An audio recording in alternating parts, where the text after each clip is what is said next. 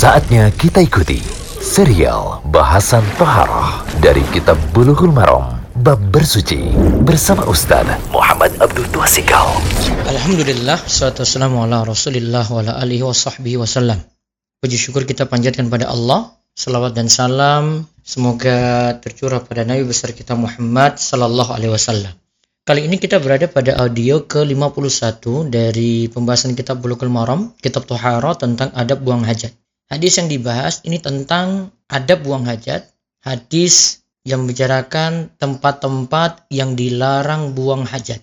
Ya, tempat-tempat yang dilarang buang hajat. Di sini nanti kita akan sebutkan empat hadis. Ini lanjutan dari pertemuan sebelumnya. Ada satu hadis yang uh, merupakan pengulangan dari hadis yang sudah kita bahas sebelumnya. Hadis ke-90 dari Abu Hurairah radhiyallahu anhu. Ia berkata bahwa Rasulullah Shallallahu alaihi wasallam bersabda, "Ittaqul la'inin."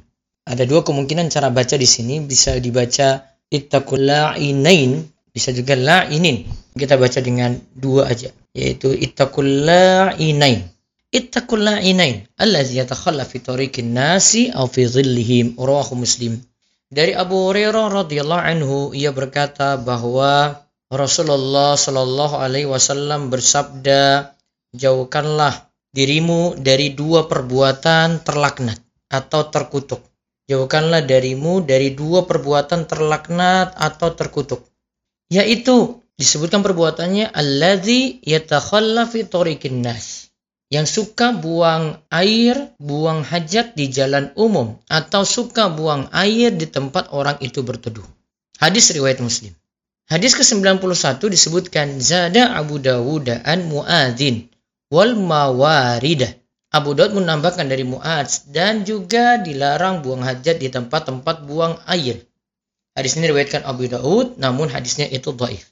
Hadis ke-92 wali Ahmad an Ibni Abbasin au naq'i ma'in. Wa fihi ma dha'fun. Dalam riwayat Ahmad dari Ibnu Abbas disebutkan atau tempat berkumpulnya air. Namun dua hadis tersebut terdapat kelemahan. Hadis riwayat Ahmad ini dhaif juga. Hadis ke-93 wa akhraja wa akhraja Tabrani an-nahya an tahtil asjaril muthmirati wa dhaffatin nahril jari min hadis Ibnu Umar bisanadin dhaifin. Dikeluarkan oleh Tabrani yang menjelaskan tentang larangan buang air besar, yaitu di bawah pohon berbuah dan di tepi sungai yang mengalir. Hadis ini dari Ibnu Umar dengan sanad yang dhaif atau dengan sanad yang lemah. Hadis ini juga kesimpulannya kata Syekh Abdul Fauzan ini adalah hadis yang dhaif, hadis yang lemah. Ya, sekali lagi ini hadis yang dhaif atau hadis yang lemah. Kesimpulannya, pertama, hadis dari Muaz, Ibnu Abbas, dan Ibnu Umar semuanya dhaif, semuanya lemah.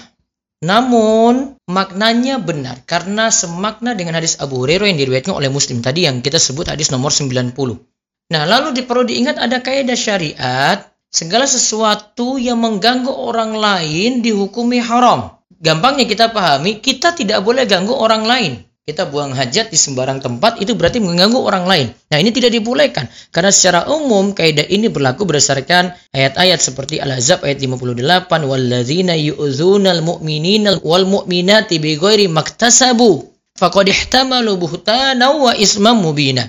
Dan orang-orang yang menyakiti orang-orang yang mukmin dan mukminat tanpa kesalahan yang mereka perbuat, maka semuanya mereka telah memikul kebohongan dan dosa yang nyata. Al-Azab ayat 58. Juga dalam hadis dari Hudzaifah bin Usaid Al-Ghifari, Nabi Shallallahu alaihi wasallam bersabda, "Man adzal muslimina fi turukihim wajabat alaihi la'antuhum." Siapa yang menyakiti kaum muslimin di jalan mereka, aku melaknat mereka. Hadis riwayat Tabrani dan juga diriwayatkan oleh dan ini diasankan oleh Al-Munziri dalam At-Targhib dan Ahad al dalam Al-Majma dan Syekh Albani juga dalam Sahih Targhib mensahihkannya. Kesimpulannya dari dari kaidah umum ini kita tidak boleh ganggu muslim yang lain. Kemudian yang ketiga tidak boleh buang hajat di tempat yang bisa mengganggu manusia karena ada najis. Juga karena suatu yang kotor atau timbul bau busuk yang tidak enak. Jadi tidak boleh ganggu orang itu dengan kotoran, dengan najis, dengan bau yang tidak enak tadi. Terus yang keempat, tidak boleh buang hajat di jalan yang dilewati oleh orang. Yang kelima, tidak boleh buang hajat di tempat bernaungnya manusia seperti pada pohon dan tembok. Juga gunung mungkin jadi tempat orang itu berteduh dengan bayangannya. Maka tidak boleh orang itu uh, buang hajat di situ. Mungkin ada batu besar gitu orang biasanya berteduh di situ duduk di situ. Nah tidak boleh buang hajat di situ karena tempat orang-orang nongkrong. Kemudian yang keenam tidak boleh buang hajat di tempat yang air diminum di situ. Yang ketujuh tidak boleh buang hajat di tempat berkumpulnya air pula ada kolam, ya, ada bak kecil gitu. Terus yang kedelapan, tidak boleh buang hajat di bawah pohon yang berbuah sehingga buah jatuh di situ dan jadi najis. Padahal orang yang lain butuh mengambilnya. Lalu yang kesembilan, tidak boleh buang hajat di pinggir sungai dan pantai. Semoga Allah beri taufik. Demikian serial bahasan Toharoh dari Kitab Bulughul Maram Bab Bersuci bersama Ustaz Muhammad Abdul Tuasikal.